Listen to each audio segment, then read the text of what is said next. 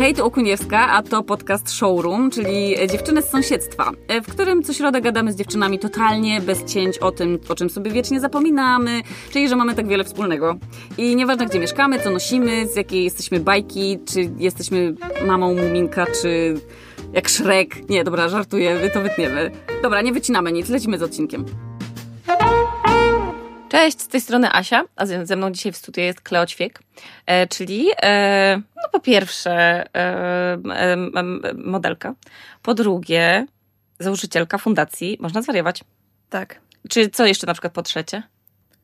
O, nie wiem. Y... Z jakąś fanką serialu?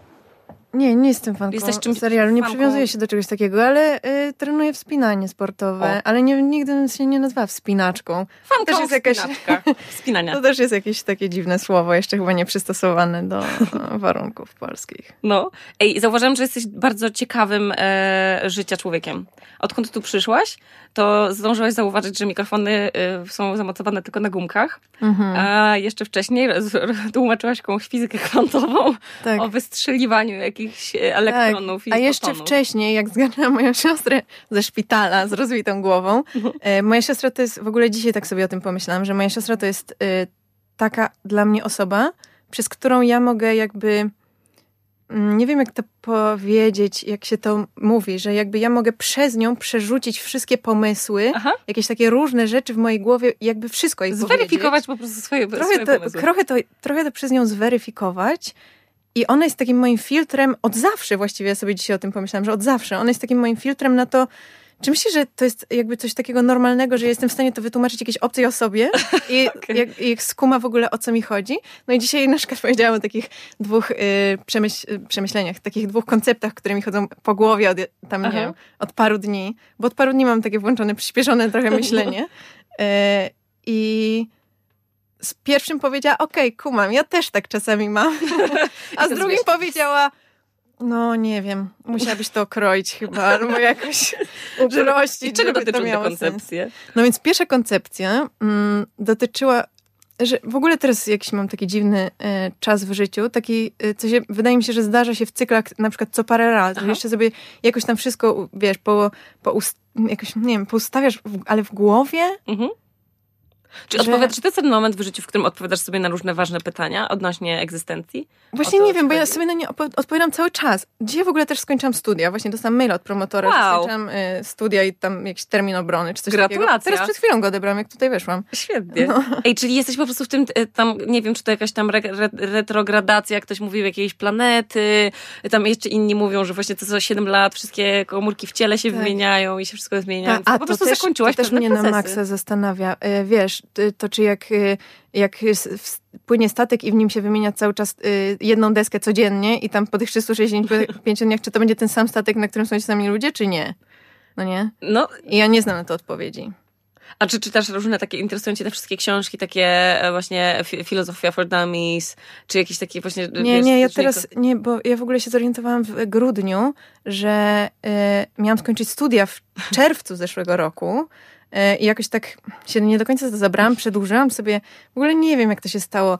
Szczerze mówiąc, ostatnie trzy lata to jest, to są, to jest jedyny etap mojej edukacji, który został ukończony bez moich rodziców mówiących mi, że pójdą do więzienia, jeśli ja nie pójdę do szkoły. okay. To jest jakby taki jedyny okres w moim życiu. Aha. Kompletnie, wiesz, to jest kolejny taki Czy moment, w którym... Na własny rachunek zrobić Trochę samo. tak, ale to jest taki kolejny moment, w którym się zastanawiam w ogóle, jak to doszło do skutku. Wiesz, ja się na początku grudnia zorientowałam, że w ogóle no jakby są te studia i w sumie już tak daleko doszłam, już raz myślałam, że w ogóle mnie wywalą i nie studia? wywalili. Psychologia kliniczna. Okej. Okay. Jakieś takie, wiesz, zajawki, a potem już tak bardziej dlatego, że na trzecim semestrze nie przyjechałam w ogóle na egzaminy, bo dostałam jakieś tam pokazy, bo Fashion Week i sesja na studiach w lutym pokrywają się jeden do jednego. O, matko. I zawsze to był ogromny problem, ale udawało mi się tak wyskoczyć na weekend, na przykład lecąc z Nowego Jorku do Warszawy i potem do Londynu, no nie? Jezu. Albo jakoś tak to wykroić ten czas. E, ale wtedy dostałam pokazy dokładnie w dni moich egzaminów i uznałam, dobra, marni czy, wiesz, czy psychologia jakaś tam. No i uznałam, akurat wtedy miałam taki moment, że uznałam, że w ogóle nic mnie nie interesuje i nie chcę I że marnie I wiesz, wtedy był ważniejszy. Tak, ale no wtedy to był w ogóle super trudny czas. I wiesz, i nie poleciałam tam i wyobraź sobie moje zaskoczenie, kiedy się dowiedziałam, że dostałam promocję na czwarty semestr. Jak? Jakim cudem? W ogóle dlaczego? Wiesz, No bo tam są te punkty, że tam się coś A. zbiera za zajęcia i tam, wiesz, jak tych I punktów może ty robisz jakieś małe decyzje, które, wiesz, jednocześnie starasz się coś sabotować, ale i tak wychodzi na dobre. No, dziwne, co?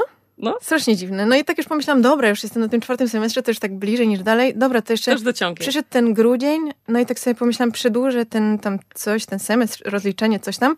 Przedłużyłam i oni mi mówią do 29 y, lutego. Ja tak sobie myślę, No. dzwonię do mojej siostry, ej, ile czasu ci zajęło napisanie pracy licencjackiej? Wiesz co, pół roku wyjęte z życia. Ja sobie O. myślę, grudzień, styczeń, no, Nie, dobra, no dawaj, jasne.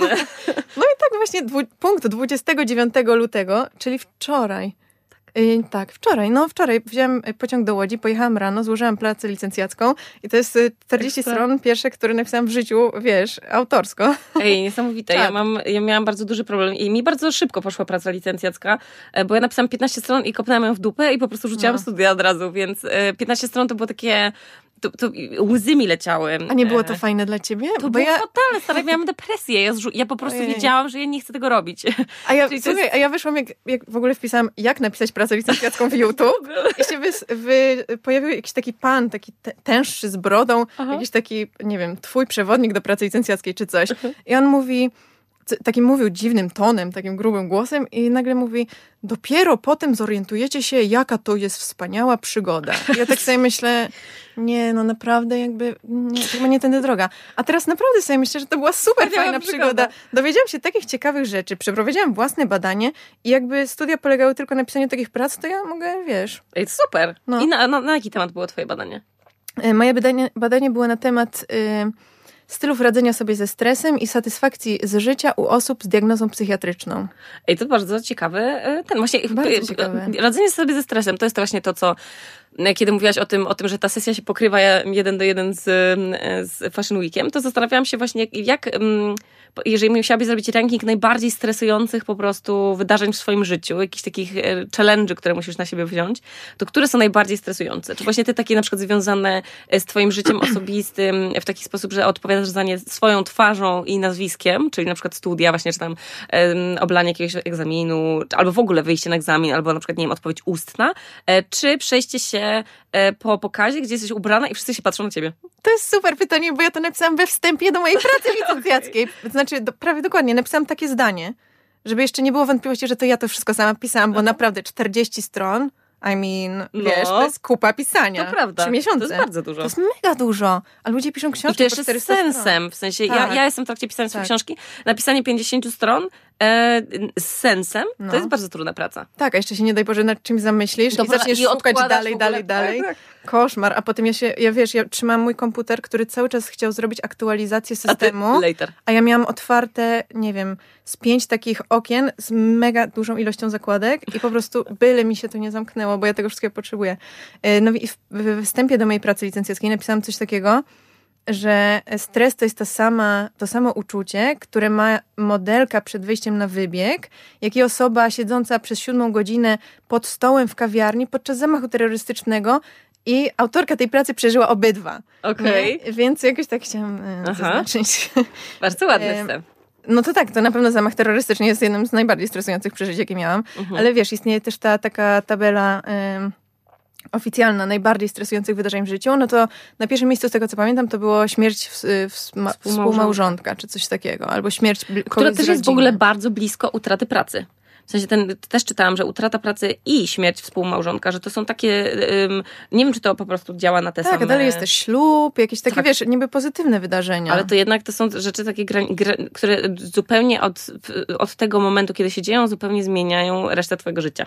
Totalnie, To no. są rzeczy, których nie cierpię. W sensie to są No. to takie, że na przykład siedzimy sobie teraz tutaj, no nie, i nasza, nasza rzeczywistość wygląda jak A, natomiast jutro może się zdarzyć jakaś jedna rzecz, mikro rzecz, która zachwieje całym w ogóle systemem osmową Jasne, naszego systemu i będziemy sobie- już Z, no tak, nie? jasne, ale też siedzimy sobie tutaj i wiesz, to, żebyśmy tutaj teraz nie siedziały, to nie zmieniłoby tego aż tak strasznie, To jak to, żebyś na przykład wzięła w tym czasie ślub, no nie? No. Albo coś takiego by się stało. E, No, więc wydaje mi się, że takie wydarzenia, które, o których sobie myślisz, że mogą mieć taki znaczący wpływ na twoje życie i są ważną decyzją, mimo że są na przykład małym wydarzeniem, Mhm. to są te najbardziej stresujące. A mnie się wydaje, że ja os- osobiście y, w ogóle nie mam jakoś tak opanowałam stres y, do y, super poziomu, ale to też wydaje mi się, że to jest kwestia nastawienia do świata i tego, jak sobie myślisz o świecie i jak sobie dużo myślisz o świecie. Ale też może tego, że jak y, byłam, nie wiem, miałam to 18 lat, czy tam ileś 17 i pierwszy raz poszłam na terapię, do, pierwszy raz poszłam do terapeuty. Pamiętam, że potem wyszukałyśmy go z moją siostrą na Facebooku i miał zdjęcie profilowe Mozarta.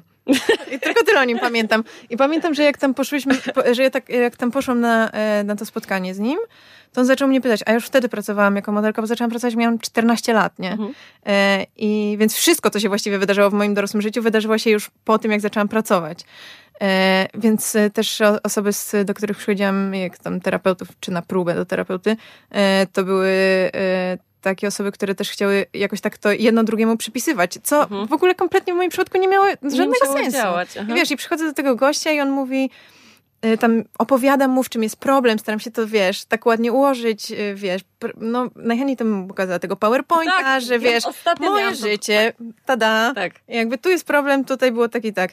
No ale no nie miałam jeszcze wtedy takich świetnych pomysłów, teraz na pewno bym to zrobiła, gdybym jeszcze raz miała zmieniać terapeutę. Mhm. E, I wiesz, i ja mu to opowiadam, i te problemy, i tak dalej, i rodzinne, i coś tam, i to, co myślę o sobie, no i też, że pracuję, no nie? I on mówi, rozumiem, a czy e, pani też czasami, pani zdjęcia są na billboardach? Ja mówię, no nie wiem, czasami tak.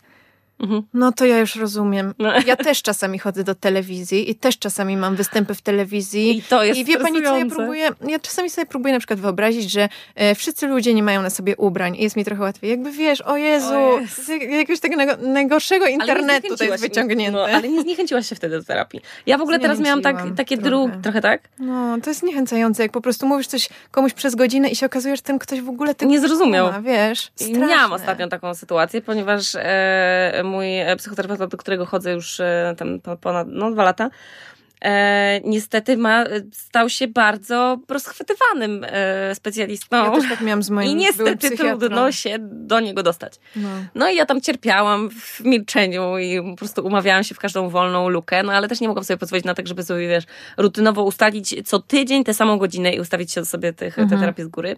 No więc e, powiedziałam, okej... Okay, w takim razie muszę do Teda na chwilę zrobić pauzę i znajdę jakiegoś innego. No i okazało się, że jest taki, mm, taki człowiek właśnie w Reykjaviku, e, który jest w ogóle Polakiem e, i który... No tam to chyba nie trudno, bo tam jest pół Właśnie stara, to jest jedyny, jedyny polski e, psychoterapeuta. Okej. Okay. No i tam i, po pierwsze był drogi, jak po prostu to była najdroższa rzecz w moim życiu, za jaką zapłaciłam. Po drugie... ja też kupiłam na Islandii raz czapkę i to jest najdroższa tak. czapka, jaką mam. W ogóle w niej nie chcę chodzić, ale aż szkoda mi jej wyrzucić, bo mi no, no. Po drugie, było tam za daleko, w sensie jechałam no. tam godzinę, a później no. okazało się, że uciekł mi od niego autobus, więc jeszcze kolejną godzinę będę czekała na przystanku, czyli łącznie cztery godziny zmarnowałam na jebaną jed... na jedną godzinę terapii. A później okazało się, że ja do niego mówiłam i mówiłam mhm. i mówiłam. Przez ten, bo wiedziałam, że to jest ta jedna godzina, która zauważy o naszej relacji. No tak. Czyli tak jak idziesz na randkę pierwszą. No I, tak, I mówisz komuś. I słuchaj, Albo jak nagle masz się z kimś po prostu zaprzyjaźnić na tak. życie, nie? I on to tak w ogóle powiedział kilka rzeczy takich, że ja już nie chciałam się z nim przyjaźnić. No. Ja też byłam u takiej I pomyślałam sobie wtedy, czy to jest moja wina, że ja się z nim nie chcę przyjaźnić, czy to jest, czy to jest niczyja wina, bo może on się zaprzyjaźni kimś, z kimś innym, a może to dlatego on ma tak jeszcze dużo terminów do e, zabukowania, czy po prostu mi, no i teraz muszę odwołać po prostu te, i na przykład widzisz, ja jestem w te, w te, psychicznie teraz w tym momencie, że ja jestem, e, znaczy to nie jest żadna tajemnica, jestem po prostu w, depresji. Ale to już jest tak wytrenowana depresja już od tylu lat, że ja już wiem, że ja tam jestem, mhm. więc ja już wiem, czego unikać, jak sobie nie dokopać i gdzie szukać, że już muszę mhm. szukać pomocy, jakby wszystko już mam... E, na tyle już przećwiczone i to właśnie, i, i jak ja poszłam już na to, na, to, na to pierwsze spotkanie z nim i on jej powiedział jakieś tam dwie rzeczy, które tak pomyślałam sobie, mmm, także w, chciałam, w ogóle nie tak kumasz? powiedział. To um, doszło do mnie, że właśnie e, chodzenie na terapię i w ogóle szukanie, e, szukanie terapii to jest jedna z trudniejszych rzeczy. W ogóle to jest trudniejsze tak. niż znalezienie partnera. Tak. Dlatego wydaje mi się, Ponieważ że wielu ludzi to Tinder z ludźmi, a nie ma Tindera z e, psychiatrą albo ani z psychologiem. A czy, ja, ja szczerze mówiąc nigdy nie byłam na Tinderze i, yy, i nie wiem jak to właściwie tam wygląda, no ale czy jesteś się w stanie o kimś co, coś dowiedzieć na tyle, żeby się z nim na przykład zaprzyjaźnić z Tindera? E, nie da wiem. się, wiesz? To znaczy ja tak z moim narzeczonym się poznaliśmy na Tinderze, tam się już zaprzyjaźniliśmy, jesteśmy narzecz narzeczeństwem.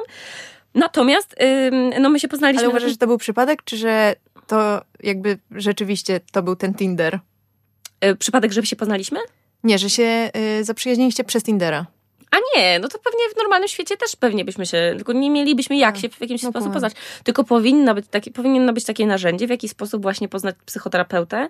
E, po kilku takich, wiesz, takich w- krótki No, kwestionariusz. jestem znany lekarz. No, Tam są jakieś takie opinie. Ale widzisz, każdy... Ale ostatnio jak przeczy, przeczytam y, opinię o, O mojej swoim- ginekolog, to się przestraszyłam. No właśnie. Ale widzisz, jak ja mam, jak, jak chodzę, właśnie byłam u tego, u tego typa, którego mi poleciły dwie koleżanki, które już w Reykjaviku do niego chodzą i one są zadowolone, a ja nie.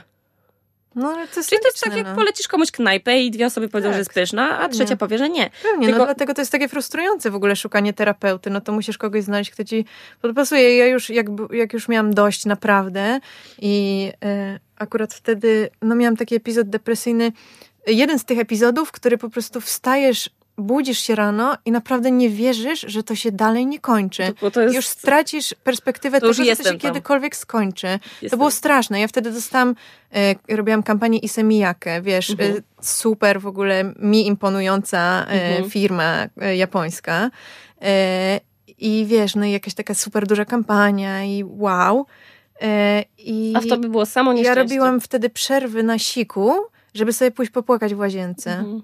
Wiesz, jak robiłam taką pracę, Czy- na której wszyscy byli dla mnie super mili, Tak, wszystko było najgorszym uczuciem zadbane. w tym wszystkim było to, że ty miałaś świadomość tego, że jesteś po pierwsze absolutnie nieszczęśliwa bez żadnego powodu, Tak. co jest, co już samo, samej siebie nie znosiłaś przez to, no bo No. przecież jesteś w świetnym miejscu, z super ludźmi robisz to, co, na co tak na, o, czym, o czym marzyłaś i, i jesteś po prostu praktycznie już w tym momencie, nawet nie musisz na to czekać. I, i to, że to nie, nie ma końca, ale najgorsze jest jeszcze to uczucie tego mm, dla mnie w depresji, że, że ja nie mam absolutnie żadnego powodu, żeby się tak źle czuć.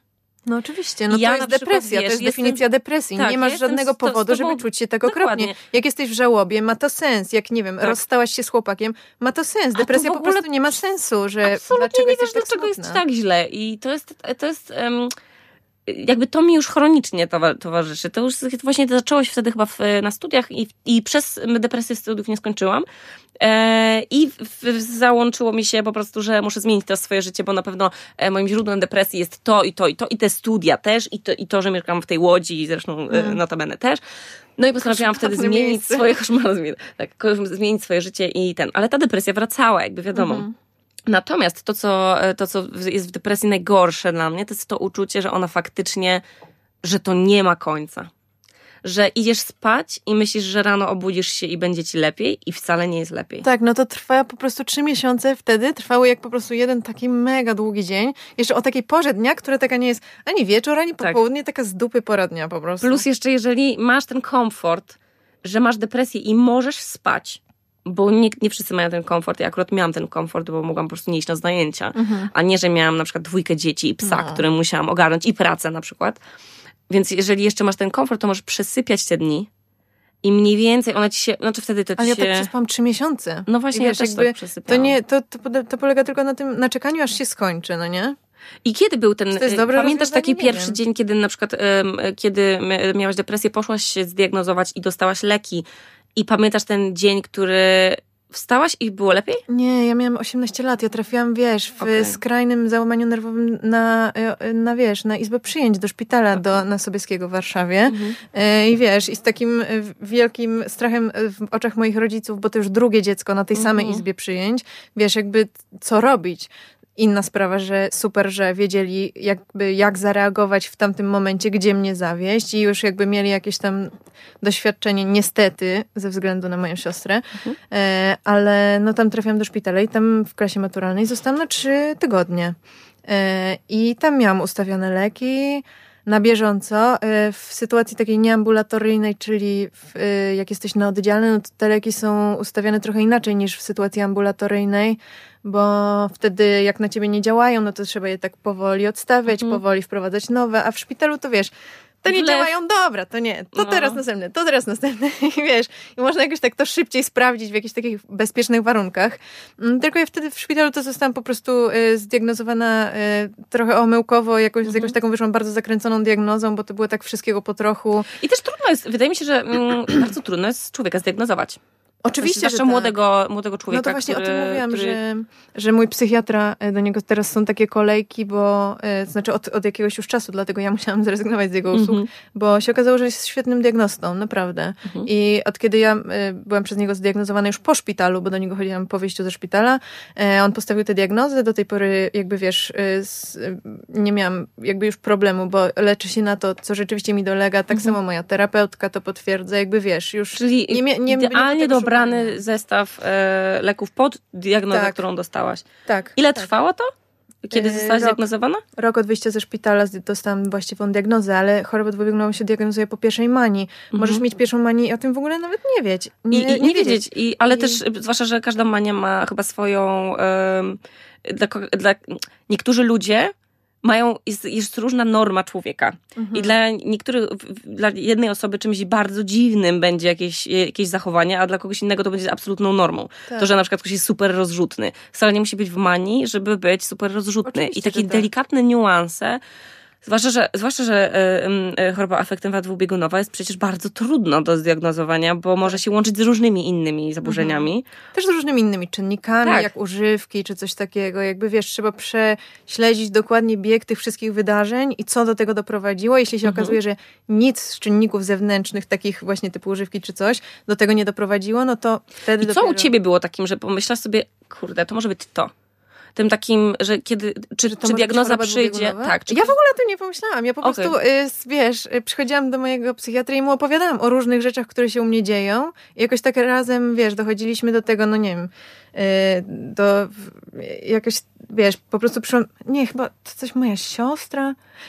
Generalnie u mnie ta mania po, po wyjściu ze szpitala miała taki przebieg, że ja myślałam, że mi się odmieniło życie, bo zawsze byłam tą taką nastolatką, nastolatką, dzieckiem, takim, które się chowało, mhm. takim, które było kompletnie nietowarzyskie, zupełnie antyspołeczne. Mhm. Wiesz, e, chodzenie do szkoły to dla mnie była zawsze kara okropna, kompletnie, wiesz, też nieprzystosowana do jakiegoś takiego systemu szkolnictwa. Czyli byłaś wycofana. Wycofana, wycofana nieśmiała, ale obecnie jakby w szkole nie ma miejsca dla takich dzieciaków, a jest ich coraz więcej.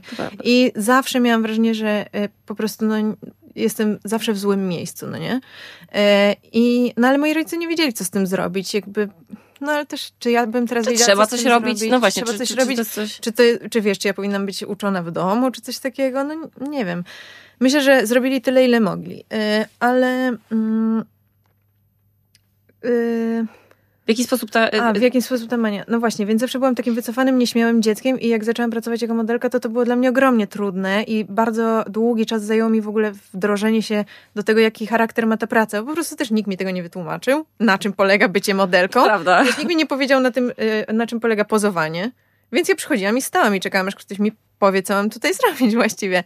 Więc, y, no nie wiem, dużo jakichś takich rzeczy w ogóle y, nie, nie rozumiałam. I, i nagle w którymś momencie po prostu po tym wyjściu ze szpitala jakoś tak, nie wiem, niecały Nagle rok, zaczęłaś Nagle zaczęłam ludzi. po prostu być towarzyska, zaczęłam chodzić na imprezy, zaczęłam w ogóle, wiesz, poznawać jakichś takich nowych ludzi, bardzo różnych, gdzie no wiesz, z nieśmiałej osoby w, takie, w taką przeistoczenie, to trochę było mój, e, też moje marzenie, mhm. żeby mi się wydawało, że ze mną jest coś nie tak, a jak już będzie ze mną tak, jak powinno, to właśnie będę super. taka. I że to po prostu mi się odmieniło życie i super. I tylko moja siostra jakoś tak, no to tak patrzyła podejrzliwie, że no, ona teraz jest jakaś taka... Taka za wesoła. Taka wesoła. I, I wiesz, no i... E, Ale nie i... miałaś, wiesz, bo to jest też, ym, że z chorobą afektywną dwubiegunową od razu się łączy, ponieważ można to narysować dwujako, no bo można mówić, że się ma dwubiegunówkę. Można mówić, że się ma e, chorobę afektywną dwubiegunową, albo e, jeżeli chce się na przykład e, dostać jakieś miejsce gdzieś, albo można powiedzieć, że, albo na przykład nie chce się coś iść do pracy, to można powiedzieć, że się ma psychozę maniakalno-depresyjną i wtedy wszyscy robią co? I to, a to jest absolutnie to samo. O, a ja nic w ogóle tego nie korzystałam. Nie? Można nie. korzystać. To, a można z tego za co do, coś dostać za to? Nie, ale możesz na przykład powiedzieć, że nie wiem, tam na przykład, że... Yy, no nie wiem tak naprawdę, no, ale na pewno da się, się tego... przydaje. Możesz, może kogoś tym nastraszyć. I, I to właśnie ta, tak jak powiedziałaś, że ty akurat się stałaś bardzo y, towarzyska i tak w sumie mało ci rzeczy w ludziach prze, zaczęło przeszkadzać i no, tak, że spoko.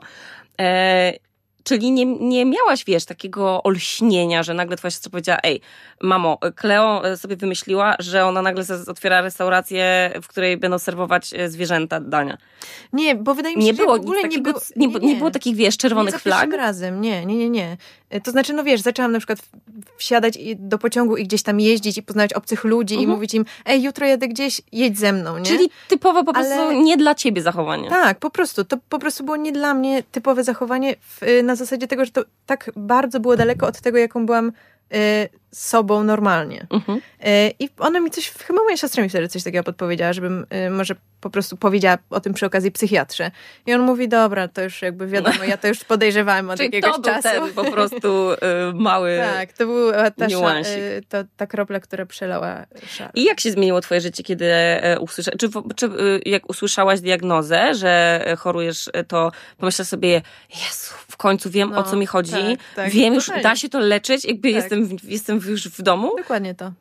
Czyli nie miałaś czegoś takiego, że... A ty sobie tak pomyślałaś, czy nie? Y, jak zostałam zdiagnozowana... Y, y, Już wiadomo, o co chodzi. Jak, tak, jak słyszałam, że mam depresję, to pomyślałam sobie, jest, już wszystko wiem. Czyli w takim razie nie, nie, nie, nie, nie muszę się leczyć chlebem z nutellą, tylko po prostu dostanę na to, że jest to okay. zaburzenie chemii w, w, głowie. Natomiast później e, utrzymywanie moich, mojej e, chemii poprzez stabilizatory, e, no to to już w ogóle odmieniło moje życie, bo przede wszystkim antydepresanty zaczęły działać. A, okay. I bo u mnie one nie działały. Tak strzelały strasznie, że miałaś Nie, nie, nie, nie. W ogóle ja absolutnie y, należę do osób, które y, są bardzo leniwe, jeśli chodzi o. Znaczy, ja w ogóle, ja w depresji, ja w bezdepresji, albo ja w jakimś, jakimś stanie normalności y, bardzo się od siebie nie różnimy. W sensie lubimy dokładnie też, te same tak. rzeczy, żeby się wyspać, zjeść i mieć czas dla siebie. Natomiast to, co jest dla mnie, e, to, co po diagnozie już takiej E, i też po to, kiedy poszłam do, do terapeuty i powiedziałam, że muszę e, ogarnąć swoje życie, żeby nie, bo ja, ja mam tendencję do tego, że przed depresją, jak zaczynam się czuć dobrze, to zaczynam na siebie nakładać bardzo dużo nowych obowiązków. Aha. Czyli mi się wydaje, że teraz muszę nadrobić ten czas, który, który zmarnowałam na przykład trzy miesiące śpiąc, Aha. więc ja muszę teraz zacząć. Szesnasty podcast, muszę iść do pracy dziennej, muszę iść do, y, nie wiem, na kurs językowy, na dwa kursy językowe najlepiej. Mhm. Y, jeszcze powinnam pisać książkę i jeszcze powinnam coś tam. I... Ale to jest jak się czujesz dobrze normalnie, czy w jak zaczynam, już? Nie, wiesz co, jak, jak, zaczynam się, jak zaczynam się czuć dobrze yy, i kiedy jest jestem, kiedy jestem, I'm just myself, not, not girl, not okay, czyli jakby sama ja siebie wtedy, jesteś taka do przodu. I ja wtedy po prostu wpadam w depresję znowu, ponieważ ja za dużo na siebie nakładam. Nakładam sobie zbyt duże tempo e, i moje po prostu zwoje się zaczynają przegrzewać. Ja sobie wtedy myślę, co, ja nie dam rady? I, i wiesz, coraz, coraz więcej. Czy masz jakieś takie triggery, które wpędzają cię właśnie w, w twój stan manii albo w twój stan depresji? Nie wiem. Y jak, y, Bo mówi się, że są, wiesz, takie Tak, rzeczy. tak. Jak w ogóle przyszłam do mojej terapeutki, y, do której zresztą zaraz jadę, y, za pierwszym razem, e, jak, bo w ogóle zaczęłyśmy e, terapię, kiedy ja już byłam w tej dziurze trzymiesięcznej i już uznałam, że ja dłużej tak nie mogę, bo po prostu coś mi się złego stanie mhm. lub sama to sprowokuje. E, I a jeszcze mieszkałam wtedy w Nowym Jorku. Miałam kompletny brak zaufania do nowojorskich lekarzy, do w ogóle w Stanach, wiesz, Rozumiem to, to. no jakieś tam stereotypy, ale z jakiegoś powodu je miałam z tyłu głowy. No i uznałam, że Moja poradnia oferuje konsultacje na Skype'ie. I, I uznałam, że tak spróbuję, ale też jednocześnie miałam, bo już wcześniej chyba w wakacje tam, nie wiem, który to był rok, jakiegoś tam tego roku, a to był październik, czy tam listopad. Mhm. E, w wakacje byłam, już próbowałam tam chodzić i wiesz, poznać tych terapeutów i byłam po prostu tak rozczarowana, że już, wiesz, no opowiadasz komuś taką, tak zawiłą historię swojego życia i tych wszystkich rzeczy, tak. które się wydarzyły i potem słyszysz, dobrze, mm, musimy już kończyć, to proszę się na następną sesję zapisać Najgorsze. w recepcji. I jakby, Najgorzej. i co, I jakby to tyle? Nic więcej mi nie powiesz na to wszystko, co ci teraz opowiedziałam, no to myślę sobie, dobra, już naprawdę sorry, ale nie chcę mi się tracić na to czasu. Więc objęłam jakąś taką strategię, że okej, okay, może po prostu jakby nie chcę mi się też gadać z kimś, wiesz, y, if you're the smartest person in the room, you're tak. in the wrong room. Mhm. Więc nie chcę mi się gadać do kogoś, kto mam wrażenie, że jakby nie chcę, żeby to jakoś zabrzmiało tak, źle, ale, ale że jakby kto... nie utrzymuje tego samego poziomu, jakby nie nadąża, albo nie rozumie bezpośrednio o co mi chodzi. Tak.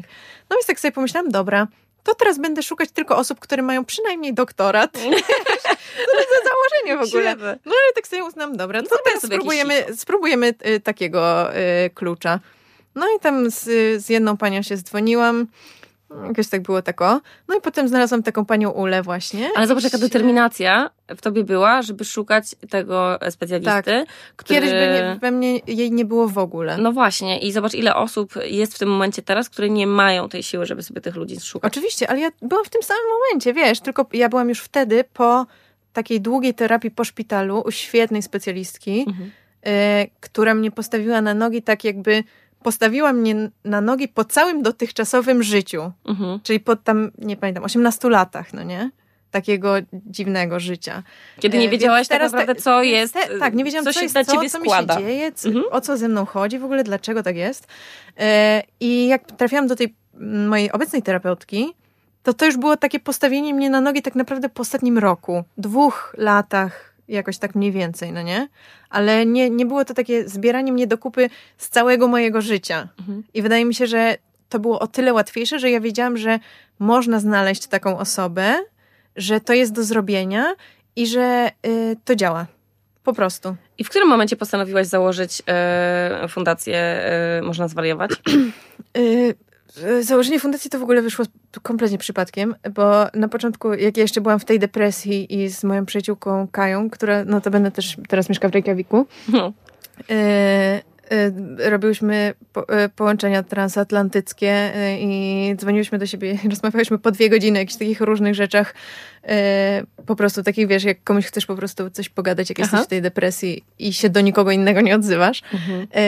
I tak rozmawiałyśmy właśnie o tym, o, no, ogólnie o jakichś rzeczach i, i rozmawialiśmy właśnie też o tym, jaka jest ta kondycja y, świadomości o zdrowiu psychicznym, jak to w ogóle wygląda w Polsce, jak to wygląda tam w Nowym Jorku, gdzie ja mieszkałam, jak to wygląda na Islandii, gdzie mieszka ona. I tak ogólnie rozmawiałyśmy o tym w taki sposób, że zobacz, jak jesteś w takiej sytuacji i nie zadbasz o siebie albo, nie wiem, twoi rodzice, twoi bliscy o ciebie nie mhm. zadbają, to twoje szanse maleją, po prostu topnieją tak szybko, że tak. nim się spostrzegniesz, możecie nie być, no nie? Mhm. Y I i zaczęłyśmy szukać w internecie, czy w ogóle coś takiego w Polsce jest.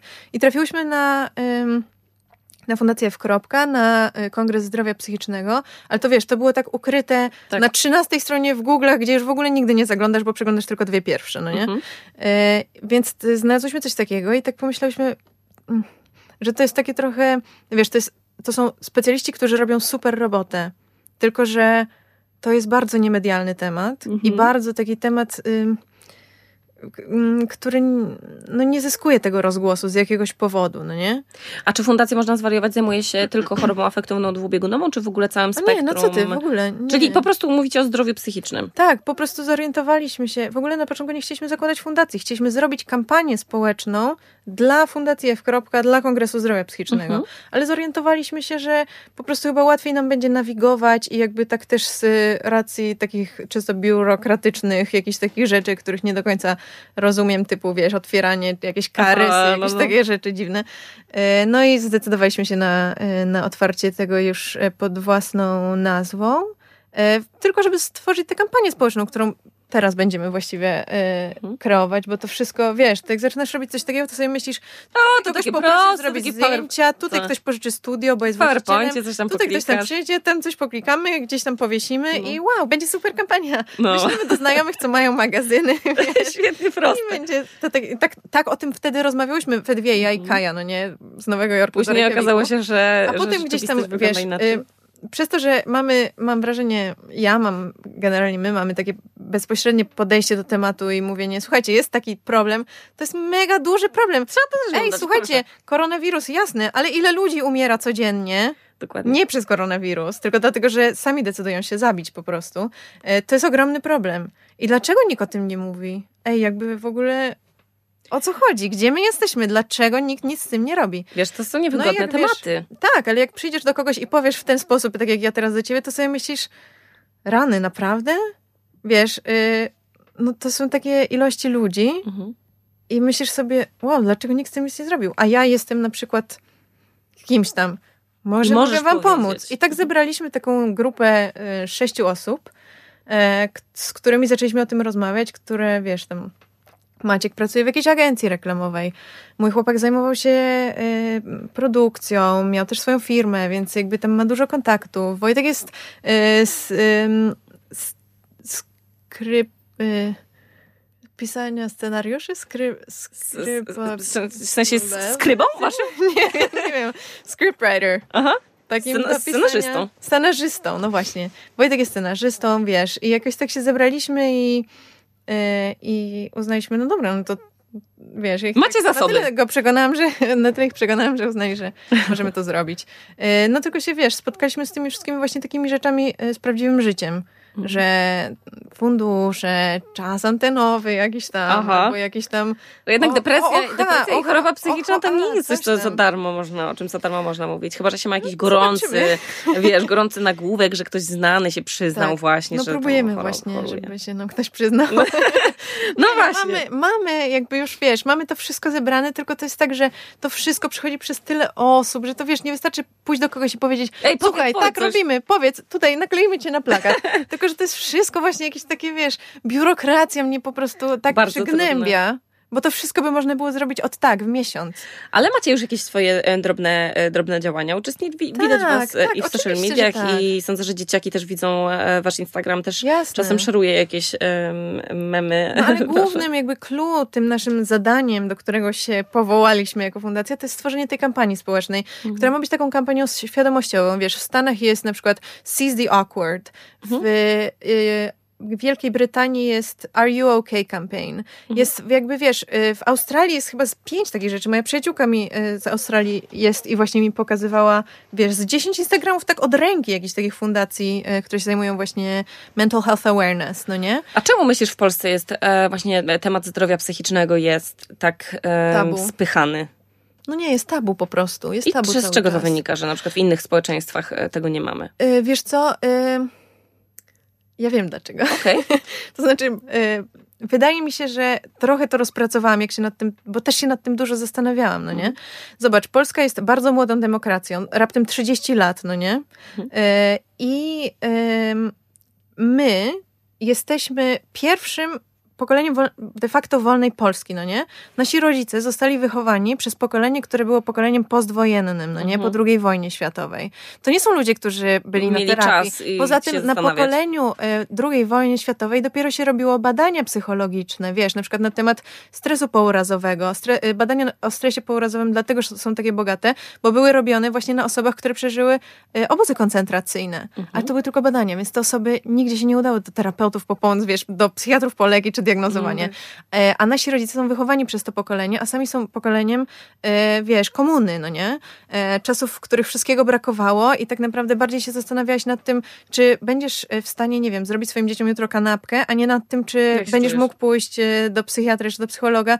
Zresztą podejrzewam, że takich instytucji było mało i wiesz, i nie były popularne mhm. i tak dalej. Mhm. I my jesteśmy dopiero tym pierwszym pokoleniem, ale też nie jesteśmy nieskalani, tylko jesteśmy wychowani przez pokolenie z traumą Też. komunizmu, no nie? I wychowanym przez pokolenie z traumą wojny. Chociażby też, tylko tyle, no nie? Wydaje mi się Ale też, że jesteśmy też jako naród tacy mocno... Yy, bo to, tak się mówi, że my jesteśmy... Yy, znaczy, często się tu mówię, że jesteśmy, wiesz, tak bardzo ogarnięci tą naszą polską e, martyrologią i tym właśnie, że, że podkreślamy to, wiesz, to, to, cierpienie nasze, ile jesteś, ile myśmy się, wiesz, jako, jako naród e, nie wycierpieli, ale też bardzo e, trudno nam przechodzi w ogóle zauważanie jed, słabszych jednostek.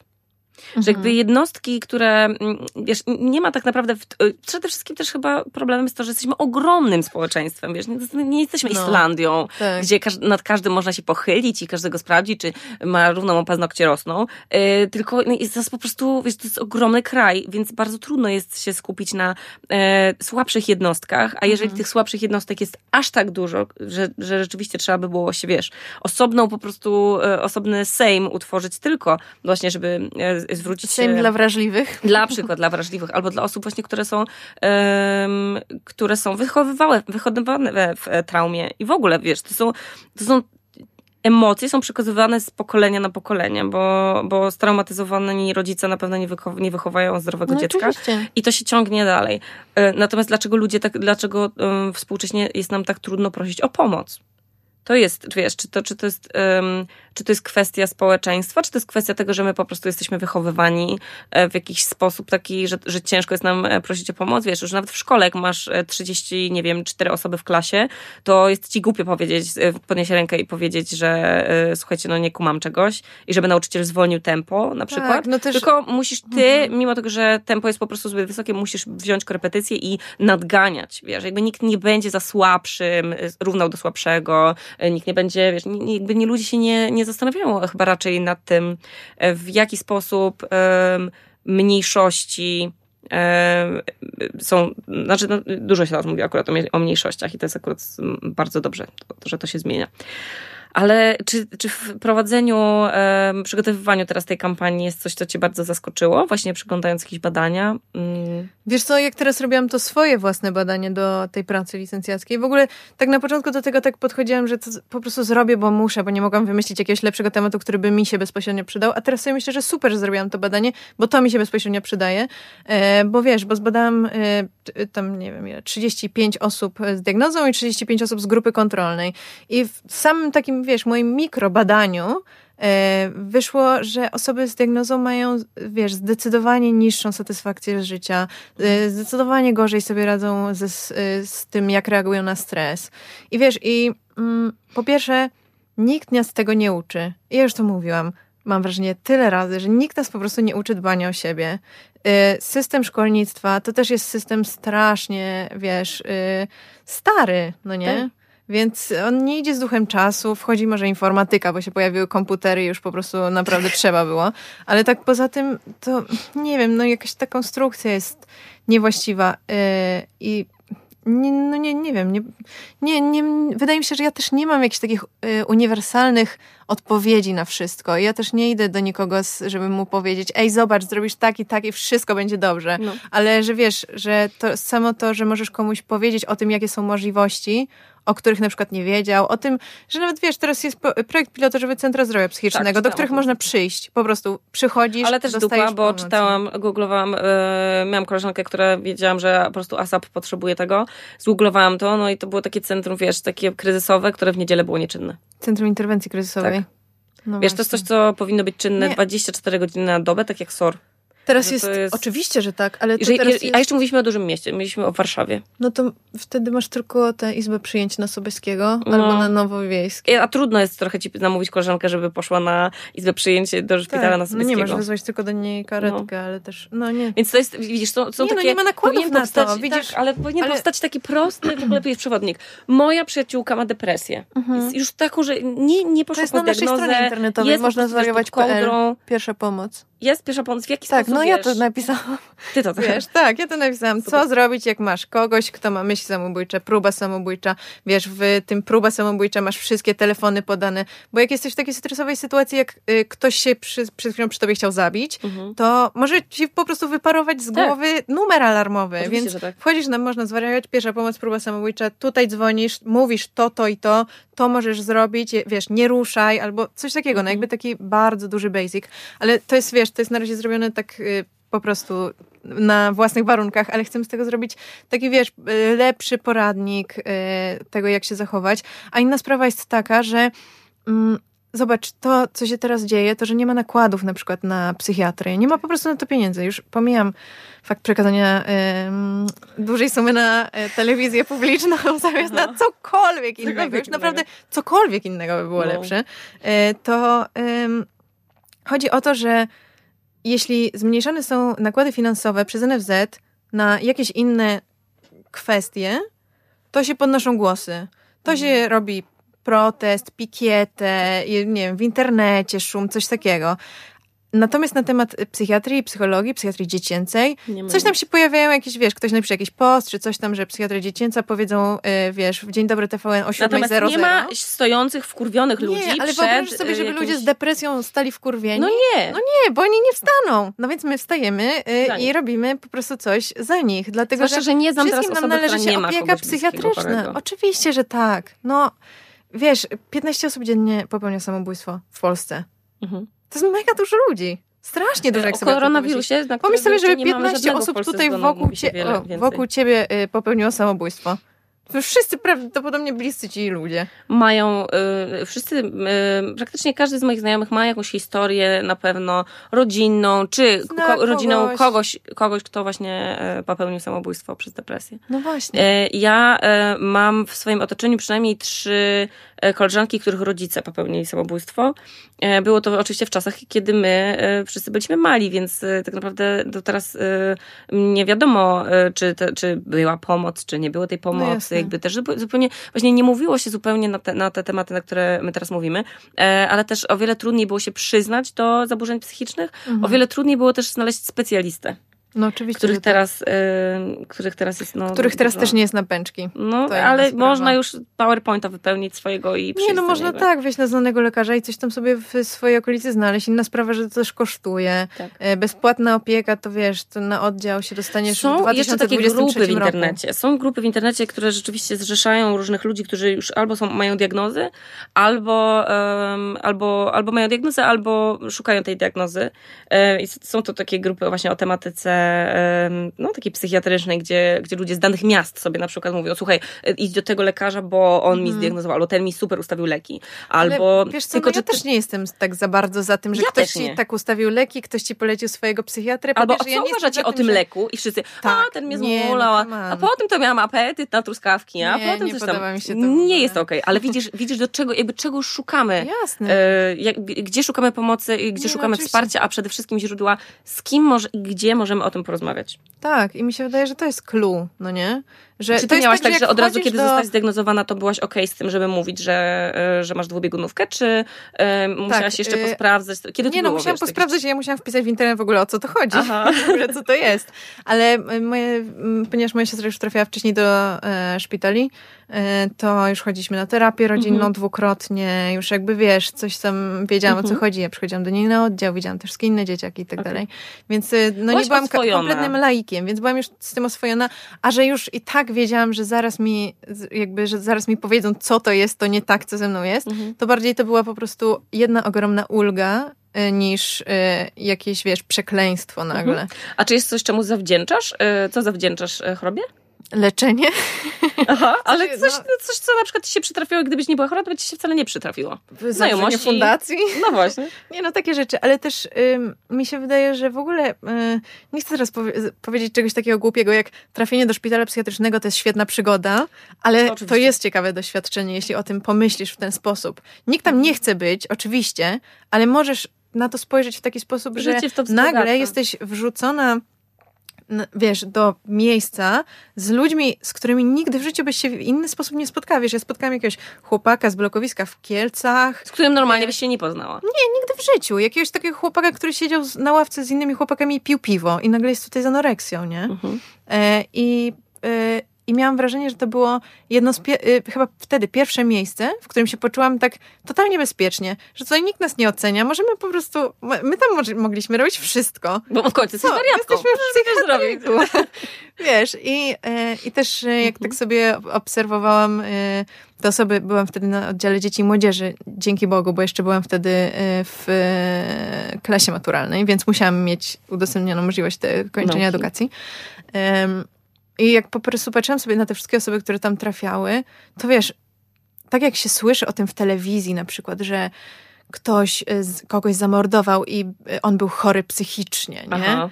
A potem ja wchodzę na ten oddział i tak patrzę i to są po prostu takie bezbronne motylki, które mhm. jedyne, jedyne w kogo mają wy, wy, wycelowane pistolety, to jest wyłącznie w siebie. Mhm. Tylko i wyłącznie. Wiesz, tam nikt by nikogo nie skrzywdził. Wszyscy są tam dlatego, że są tak strasznie przeciwko sobie. Mhm. I właściwie dlatego tam trafiasz, nie? Mhm. Bo po prostu jesteś tak już jakby nie, nie możesz sobie poradzić ze sobą, no nie? A jakaś taka rada, e, którą mogłabyś teraz powiedzieć, e, ja też powiem od siebie może, taka na sam koniec kończąca rada osoby, która wie, że coś się dzieje nie okej, okay, jakby something is happening here, ale nie wie, co jeszcze ma z tym zrobić, czy ma, gdzie ma szukać pomocy, czy, mhm. czy czy da się. Mm, nie, może czy, czy masz właśnie, że gdybyś, wiesz, trafiła na osobę, która by ci powiedziała, ej, coś, coś mam co, w moim czerepie, coś jest nie tak, co mam mhm. zrobić? Nawet mieliśmy jakby w przyszłości, jak już te, do, podrasujemy tę stronę pierwsza pomoc, to właśnie to, co mieliśmy zapisane jako pierwszy punkt, że musi być chmurka coś jest nie tak, ale nie wiem co. Ale to nie- I co? I do czego to przekierowuje? Mhm. Ym, wiesz co, ym, bardzo bym chciała y, i taki mamy też plan y, na wydarzenia, które będą towarzyszyły już kampanii później, to będzie w lato. Chcemy też się wybrać na różne festiwale muzyczne. W zeszłym roku byliśmy na Woodstocku, w tym roku Super. planujemy wizytę też na Ofie, y, też można na Woodstocku i tam w kilku innych miejscach, ale też chcemy robić wydarzenia, no prawdopodobnie w Warszawie, może jeszcze gdzieś, jeszcze nie wiem, bo jeszcze nie mamy tego w, dokładnie rozplanowanego. Mhm. I chcę, żeby na tych wydarzeniach zawsze była, mm, był specjalista, do którego możesz podejść, bo wiesz, to jest też tak, że jak jesteś niepełnoletnia, to nie możesz iść do psychiatry, nie Tak, możesz iść do psychologa zgody bez zgody rodzica. To jest absolutnie A jeśli twój, wiesz, a jeśli twój rodzic ci mówi, nie będziesz chodzić do psychiatry, Bo to nie dla wariatów. wariatką, Tak. to tak naprawdę zostajesz poz, pozbawiona Straszne. jakiejkolwiek możliwości pomocy. Mhm. Więc to, co bym chciała i to, co już się dowiedziałam, że to będzie legalne, to, y, to żeby na tych naszych wydarzeniach zawsze był specjalista, do którego możesz podejść i coś podpytać. To Okej. znaczy powiedzieć, dzieje się ze mną to i to i nie wiem, może to jest normalne, bo jestem w wieku dorastania i takie rzeczy się po prostu dzieją, nie wiem, hormony jakieś tam. Aha. A może to jest coś, co jest tak alarmujące, że po prostu y, trzeba z tym pójść po dalszą pomoc. I wtedy, nawet jak już wracasz do tych swoich rodziców, którzy ci mówią, że nie jesteś wariatem, mm, to mówisz im, skonsultowałem się ze specjalistą i wymagam profesjonalnej pomocy. Proszę mnie zawieźć, wiesz, do lekarza. Nie wiem, czy to się sprawdzi. Mhm. Bardzo bym chciała, żeby się sprawdziło, bo to są osoby, którym się należy pomóc, a są jej pozbawione ze względu na jakieś takie, wiesz, superstitious, y, po Mhm. prostu y, tabu, jakieś, y, wiesz, czarny kot przebiegł mi drogę.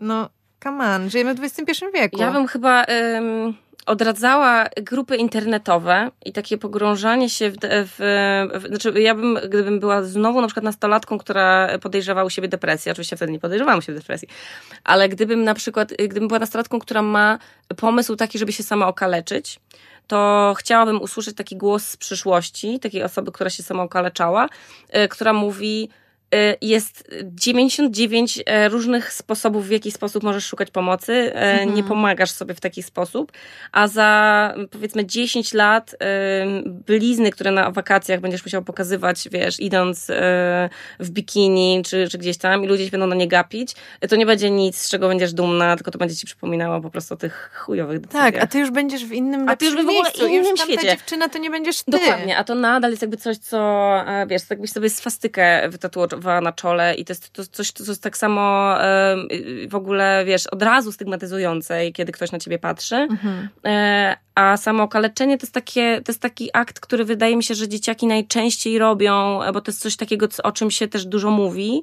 więc to samo przychodzi do głowy.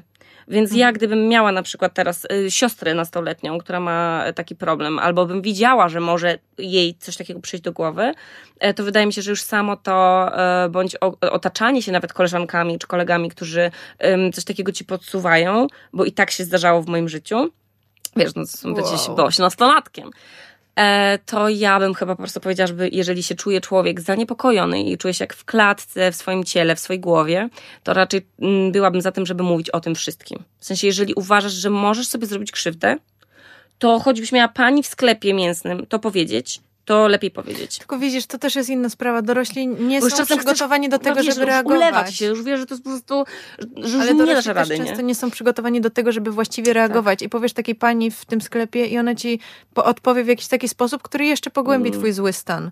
Więc wydaje mi się, Może że... przesadziłam z tą panią w sklepie, idąc ale dalej, bardziej to jest zaufane, bardziej kwestia wiesz, takiego- Jeżeli nie jesteś w stanie powiedzieć Mhm. tego swojej mamie, to może powiedz mamie przyjaciółki, która wiesz, że jest cool, bo czujesz z nią jakąś więź, bo jest, nie wiem, masz jakieś takie, wiesz, są czasem tacy dorośli, z którymi czujesz jakieś takie porozumienie. Tak, tak. Albo czujesz, że oni są właśnie taką osobą, której tam można coś powiedzieć. Wydaje mi się, że dzieciaki powinny też e, czuć, że, e, no, że, że, że po prostu, że można o tym powiedzieć. Wydaje mi się, że jeśli dorośli dadzą im taką przestrzeń i możliwość do tego, żeby być y, jakby dla nich w taki sp- mm, to jest strasznie trudne. Mhm. W ogóle, wiesz, być y, świadome rodzicielstwo, czy jakieś takie rzeczy, to już jakaś inna Koszmar sprawa. jakiś w ogóle nie Ale wiesz, po prostu być y, otwartym na to, co mówią ci młodzi ludzie, myśląc, że ty już jesteś gdzieś tam dalej, ale musisz zrozumieć to, co oni się czują i na to bezpośrednio zareagować. Strasznie Mega, trudne. mega trudne. Ale jeśli będą tacy dorośli, to będą i dzieci, którzy będą, które będą do nich przychodzić i mówić to dalej swoim, wiesz, znajomym i tak dalej. Myślę, że y, zawarłyśmy w tym podcaście kilka wskazówek.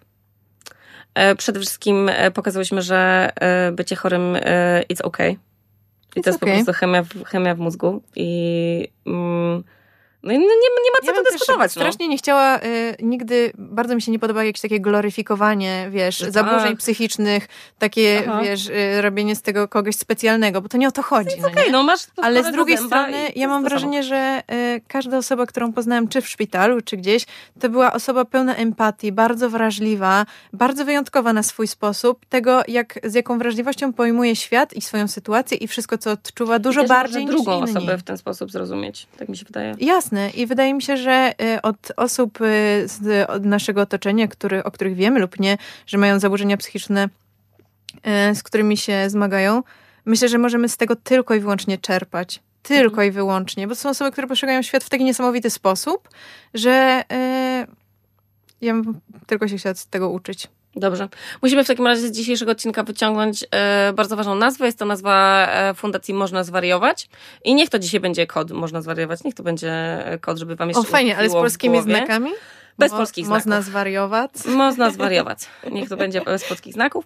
E, no i mam nadzieję, że już wasza strona będzie zaraz, e, wiesz, już tak na tip-top, że będzie i ta No, chmurka, co robić. strona, tam- co jest, to ja ją zrobiłam. No właśnie, więc niech te chmurki wszystkie tam będą poda- jakby coraz bardziej no, już częściej mamy, dodawane. tak, E, no i mam nadzieję, że, e, że będzie wszystko, że you're going to be okay w remisji i w ogóle healthiger. No, Że, wszyscy, totalnie. że, wszyscy, żebyśmy byli Całe healthiger. życie w remisji. Tego ci życzę. Dzięki. I powodzenia z kampaniami. Dziękuję. wszystkimi. Cześć kochani, pa! Pa!